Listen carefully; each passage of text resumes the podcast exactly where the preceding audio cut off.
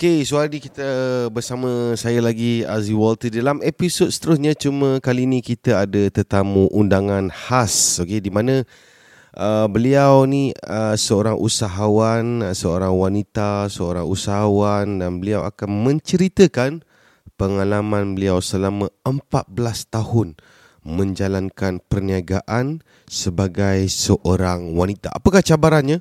Jadi apakah pengalamannya? Mungkin kita boleh belajar banyak perkara hari ini. So silakan kita beri tepuan untuk uh, tetamu undangan kita.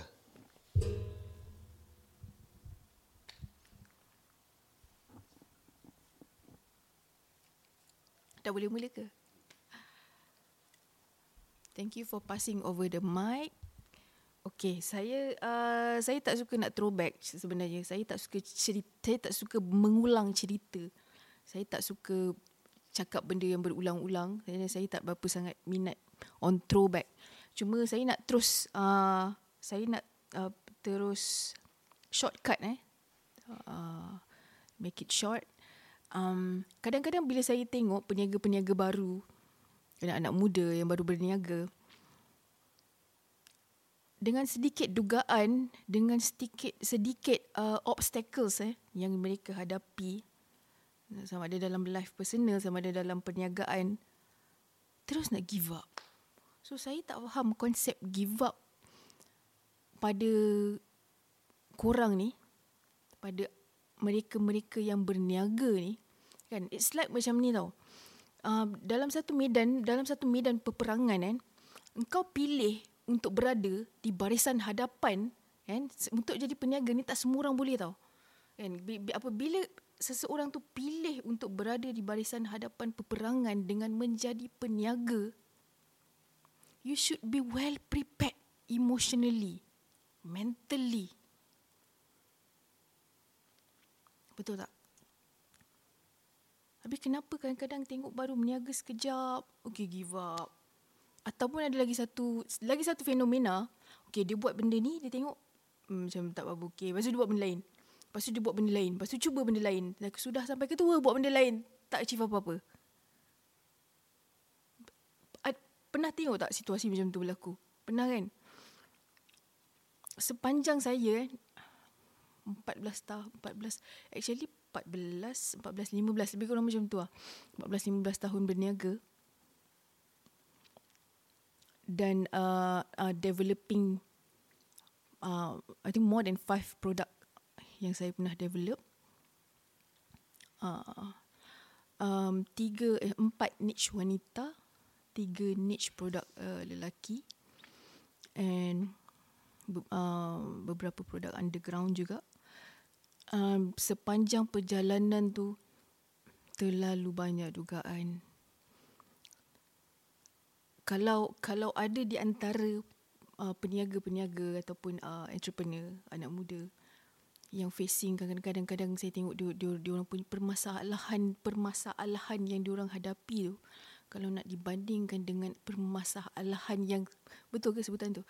Dengan apa yang saya pernah lalui tu dan dulu dan saya adalah seorang perempuan jauh berbeza. Yang memang sangat jauh berbeza. Um, cuma apabila dah melalui banyak dugaan berkali-kali jatuh bangun jatuh bangun benda tu dia jadi dia jadi lali tau. You become immune to it. So that is what happening. Saya saya punya perjuangan ni dan kenapa saya masih stay dekat sini dia macam ni eh. Hmm, saya tak nak cerita. Saya tak nak cerita. Kalau nak cerita memang tak tak takkan habis dua hari apa dua tiga hari pun kalau cerita tak akan habis. Tapi saya pernah lalui terlalu banyak. Kalau setakat tinggal duit negatif dua tu itu dah perkara biasa dulu-dulu kan. Tapi kita peniaga, kita kalau hari ni kita tinggal negatif dua dalam akaun kita, kita boleh jadi positif balik dan it, it, it can be 20,000, it can be 200,000, it can be 2 million in very short time. So kenapa nak kena takut? Apa yang kena kurang kena takutkan dalam perjuangan dalam meniaga ni? Sebenarnya takut apa? Takut rugi. Kenapa kalau rugi mati ke? Takut apa? Takut tak makan ke? Saya pernah makan dulu masa permulaan meniaga dulu, masa saya berhijrah eh, daripada Johor ke Kuala Lumpur, saya pernah dalam situasi saya tak ada duit untuk beli beras. So apa yang saya saya buat? Saya makan cekodok. So what kalau makan cekodok? Tak mati pun. Betul tak? Ini baru ada, ada yang saya tak faham kadang-kadang eh. It doesn't tick my mind. Ada anak muda yang tak makan tak tak, uh, tak ada duit untuk beli makanan and call their parents back at the kampung and mengadu. It doesn't tick my mind. How can it happen? How can it be? Kalau kurang tak ada duit nak makan, kurang keluar cari duit nak makan tu. Saya seorang perempuan, saya per- pernah melalui Eh macam-macam kalau setakat duit tak mak- nak makan tak ada tu dah biasa dah. Saya pernah tidur atas lantai, tidur atas berba- ber- dengan tilam. Tahu tak tilam ke kabu kapas tu? Ha, sebab tak ada duit nak beli tilam spring. Itu waktu waktu saya ber, uh, waktu permulaan saya berhijrah. Tidur atas simen babe. Atas maksudnya tilam tu atas simen lah. Not directly onto the simen. Makan cekodok bil api kena potong. Itu perkara biasa. Perkara biasa. Kereta rosak tengah-tengah jalan tapi saya seorang perempuan, saya tak pernah kereta rosak ke apa benda berlaku sekalipun saya tak pernah call. Abah-abah kereta rosak macam mana? Tak ada. Saya tak pernah macam tu. So whenever parents my parents call me, tanya semua okey ke? Dah makan ke? Alhamdulillah semua okey. Doakan mak eh. Abah tolong doakan. Tolong doakan I, I am feeding my parents punya mind that I can take take care of myself very well. So saya punya tahap independent ni sampai mak bapak saya sangat percaya yang saya boleh take care of myself eh. Saya boleh solo travel.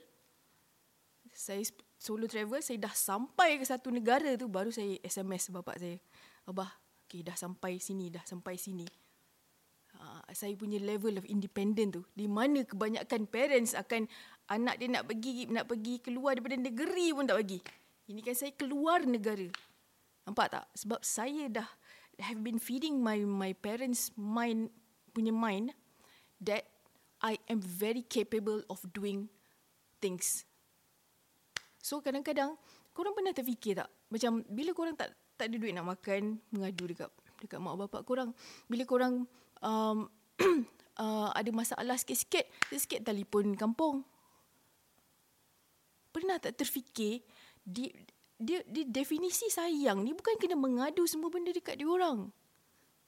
Definisi sayang ni ialah at least give them a peace of mind supaya dia orang boleh tidur dengan lena. Berapa ramai pernah pernah tak korang terfikir mak bapak yang tak boleh tidur sebab risau memikirkan anak mereka.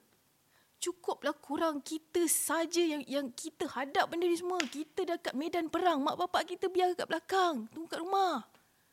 Ini ada masalah sikit call mak. Ada masalah sikit call bapak. Come on.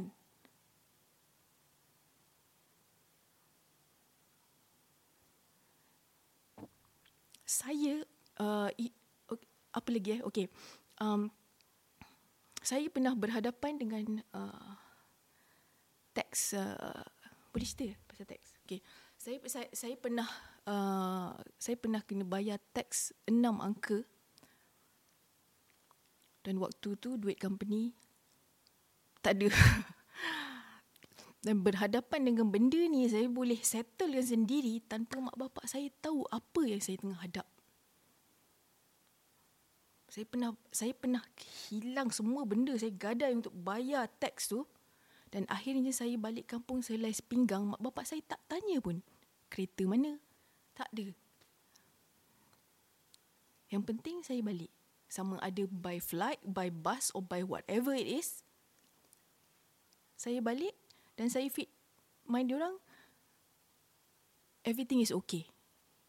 Jadi saya ada soalan. Jadi adakah sebenarnya sebenarnya maksudnya tunjang dia adalah bagaimana kita menanamkan uh, keyakinan dan keutuhan kemampuan kita kepada keluarga kita kan itulah menjadi uh, sumber utama lah kalau maksudnya kalau kita fit kepada keluarga kita kita kuat. Ya betul. Memanglah kita fit orang kita kuat. Tapi Tuhan yang tahu dalam hati apa yang kita lalui. Kita menangis seorang-seorang kan? Kita rasa nak give up kita rasa uh, rasa nak putus asa. Tu semua perasaan tu semua ada. Maksudnya bila kita jumpa mereka adakah kita kena pretend semua tu okey ataupun kita kena cerita kat mereka? Ha. Apa pandangan? Okay tempat terbaik untuk meluahkan segala masalah ialah di atas sejadah. That's the best. Okay? Bukan dengan makhluk, bukan dengan sesiapa pun. Trust me. If you have to fake it, then fake it in front of your parents. Sebab apa? Niat supaya mereka tak risau. Okay? Bayangkan mak bapak kita dah besarkan kita, dah bagi kita makan pakai, okay? dah sekolahkan kita, okay? dah hantar belajar semua. Sekarang it's time it's time for you to make your own living. So by the time you're making your own living, why do you have to make them worried? Am I logic enough? Kalau kita sayang sesuatu benda, sesuatu perkara tu kan, kita jaga macam mana? Dan kalau kita sayang mak bapak kita, kita jangan bagi dia orang risau. Kita ni umpama bayangkanlah. Cuba bayangkan eh. Mak mana yang tak sayang anak? Mak mana yang tak risau kalau anak dia ada masalah? Tak makan. Ish, mak kalau part makan ni memang betul tak? Okay. Seorang mak tu dia boleh tak tidur kalau fikirkan anak aku makan apa eh. Pula tu ada anak dia ni call. Mak tadi saya tak tak makan tak ada duit mak. Mak tu pun tak ada duit nak tolong. Tak tidur makcik tu malam-malam. Memikirkan anak dia di perantauan yang tak makan. Padahal benda tu kau tak perlu bagi tahu mak kau. Jadi maksudnya di sini ada setengah... Saya tak habis cakap lagi. Jadi sorry. Jadi ada maksudnya apa ni uh, setengah orang faham bahawa uh, dengan menceritakan kepada ibu bapa kita maksudnya kita sayang kan? Tetapi saya lihat uh, apa ni tetamu undangan kita hari ini dia uh, pandangan dia adalah tidak menceritakan itu adalah definisi terhadap sayang. Uh, supaya kita tidak mahu ibu bapa kita yang sudah tua yang sudah sepatutnya berehat tanpa memikirkan mehnah dunia ni uh, tidak bercelaru pemikiran mereka jadi itulah maksudnya sayang betul. Uh, jadi itu uh, jadi guys so ini antara uh, perkara yang mungkin kita boleh sama-sama fikirkan uh, dan kita aplikasikan di dalam kehidupan kita terutamanya bagi pendengar-pendengar uh, episod-episod podcast Aziz Walter ni terutamanya mereka uh, usahawan ataupun bakal-bakal usahawan ataupun sesiapa sahaja yang inginkan peningkatan lah hidup mereka. Okey, saya ada satu lagi soalan terakhir. Bagaimana pula stigma sesetengah masyarakat apabila melihat usahawan ni, okey, uh, kejap buat itu, kejap-kejap buat ini. Bagi mereka ni usahawan ni macam gila dunia ke? Tak tak reti ke bila nak stop? Kan? Asyik buat itu, buat ini. Kan? Macam gila dunia. Jadi apa pandangan tetamu jemputan kita tentang isu ni? Ada ulasan tak? Jadi usahawan kita memang kena gila. So kalau kita tak gila, kalau kita nak limited atau kita okay, if you want to live a mediocre life, then pergi makan gaji. The reason sebab apa kita jadi usahawan, kita jadi entrepreneur sebab kita nak achieve freedom. Freedom masa, freedom kewangan. Uh, freedom apa lagi? Masa. Dah sebut nak freedom uh, sebenarnya pencin tu kan kita sebagai usahawan kita tak ada pencin. Tetapi kita ciptalah berapa banyak pencin kita nak. Betul tak? Dan uh, sebenarnya sebagai usahawan ni bagi saya kita adalah tapi usahawan ni bagi saya dia ada banyak kategori. Ada champion ada yang biasa. Okey? So usahawan champion bagi saya mereka adalah orang yang sentiasa ingin mengembangkan diri mereka And uh, mula-mula betul uh, semua pasal duit, pasal duit. Dan along the way itu memang pasal duit. Tetapi mereka ada satu ketagihan untuk always improve diri mereka. Kan?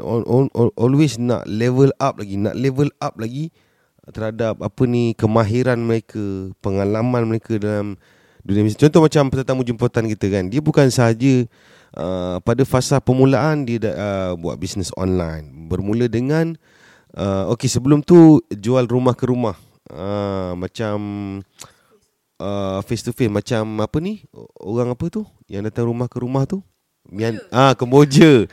ah macam itulah method orang Kemboja kan datang bawa bawa tudung usung pakai beg. Lepas tu uh, pernah jual nasi lemak, pernah join team direct selling juga.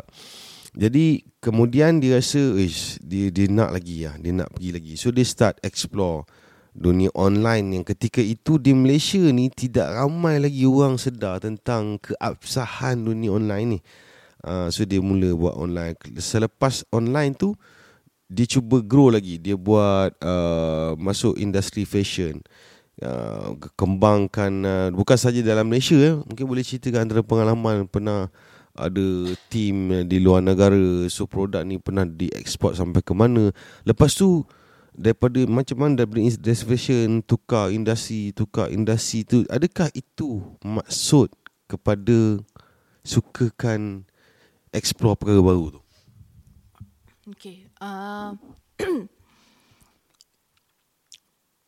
sorry, saya tengah makan almond sebenarnya. Okay, excuse myself. Eh. Uh, okay, macam ni. uh, ada usahawan yang dia suka tukar-tukar. Sekejap dia jual ni, sekejap dia jual ni, sekejap dia jual ni. Actually, dalam dalam uh, entrepreneurship, you boleh jual apa saja yang you nak. Jual lah apa yang you nak. As long as it makes money. Kalau tak make money, then then what's the point of you doing business? Betul tak? Okay. So um, saya bukan ber, saya bukan bertukar-tukar tapi saya suka explore benda baru. Contoh bila saya buat um, bila saya into fashion industries, saya dah sampai peak eh masa tu peak sales saya sehari 80,000.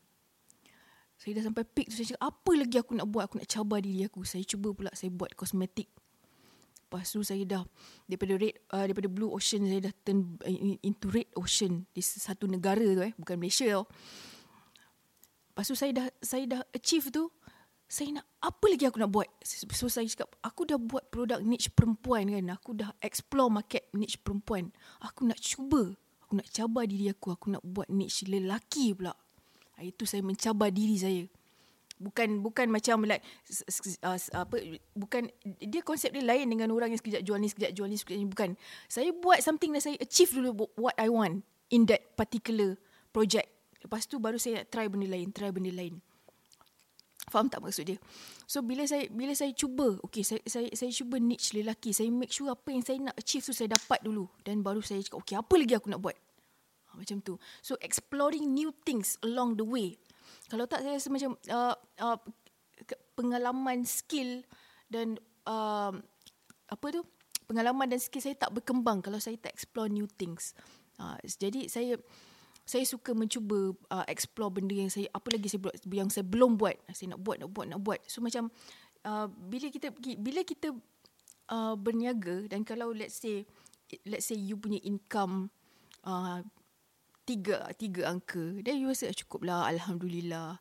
Okay konsep konsep syukur tu bukan macam mana konsep syukur macam mana itu uh, okay so sebenarnya konsep syukur ni adalah apabila kita tahu kemampuan diri kita dan kita memaksimumkan segala yang Allah berikan kepada kita. Contoh kita ni ada uh, se, uh, Allah pinjamkan kebijaksanaan kepada kita kan. Jadi bila kita rasa kita dah stop sampai tu level, sebenarnya kita ni adalah orang yang tak bersyukur. Setuju tak?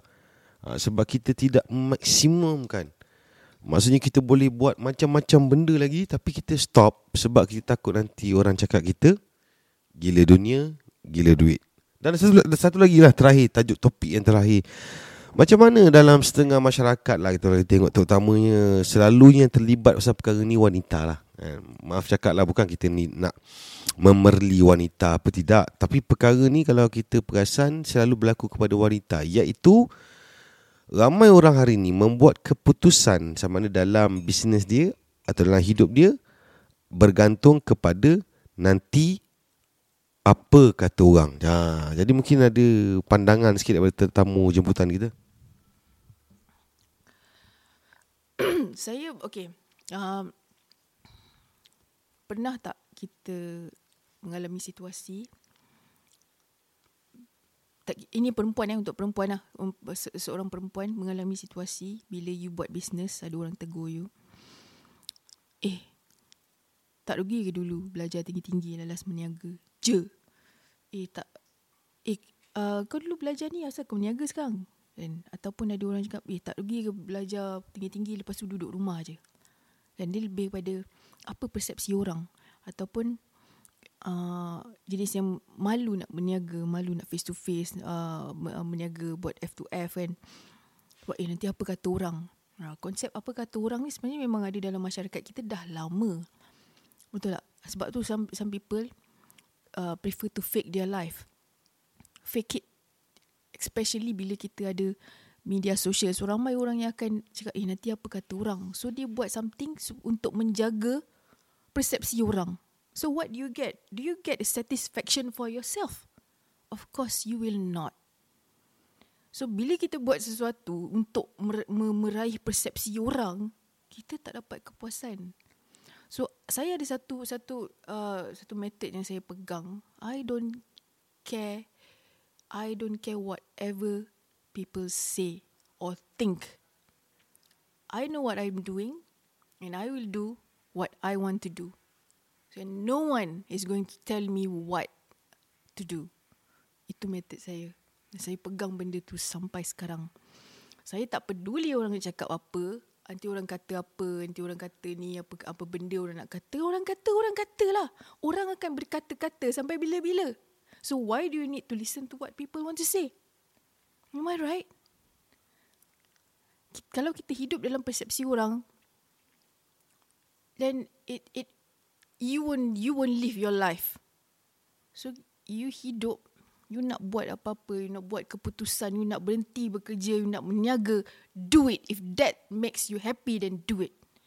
Kalau you nak you you you nak let's say let's say okay saya, saya ada seorang saya ada seorang team production saya. Seorang dia, dia ni minat uh, tailoring dia minat uh, menjahit semua. Dan dia ada dia ada kerja lain juga. Okay. So saya tanya saya tanya dia kenapa tak menjahit full time? Dia kata uh, tak boleh kak sebab uh, sebab dia dah dia rasa terhutang budi dengan mak bapak dia. Yang dah hantar dia dia dia belajar tinggi-tinggi. Okay so I ask her do you love your job your fight 9 to 5 job dia kata no So if you don't love your job, then decide what makes you happy. Kau suka menjahit, kau jahit. Method. Do not care what other people thinks or might say applies to anyone walaupun your family. Faham tak? I was once uh, mak saya macam macam a bit okay by the way um, saya graduated in biomedical. So mak saya memang bercita-cita dan sangat teringin nak tengok saya dalam kot putih.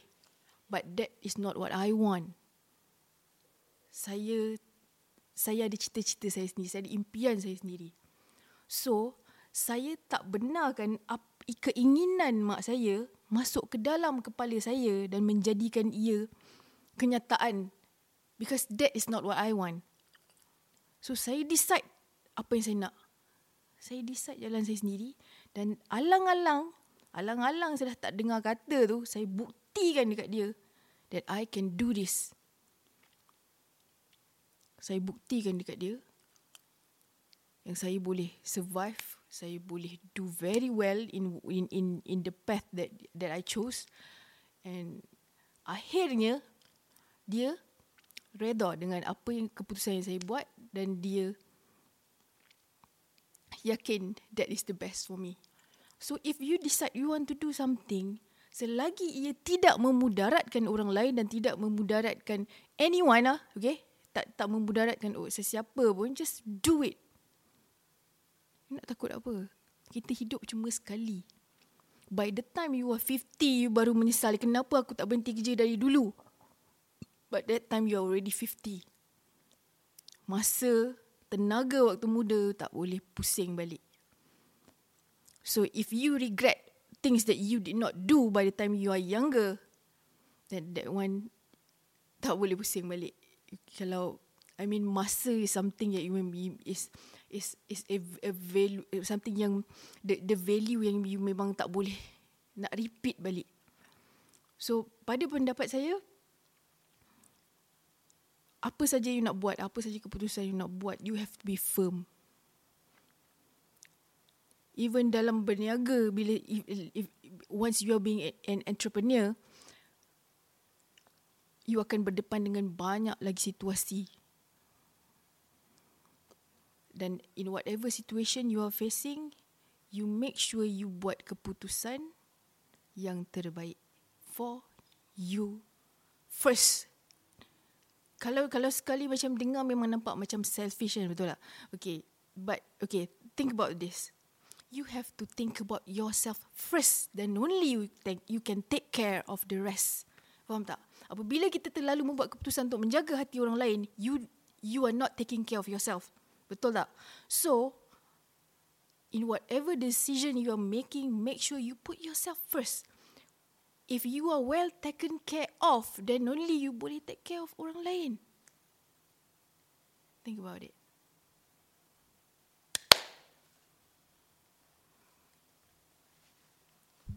Okey, jadi alhamdulillah hari ni banyak sorry tetap kita pengacara uruskan perkara lain. Terima kasih kepada tetamu undangan kita hari ini ke atas segala intipati. Semoga kepada anda yang mendengar hari ini mendapat banyak uh, input-input yang bermanfaat untuk hidup anda. So semoga kita berjumpa lagi. Terima kasih.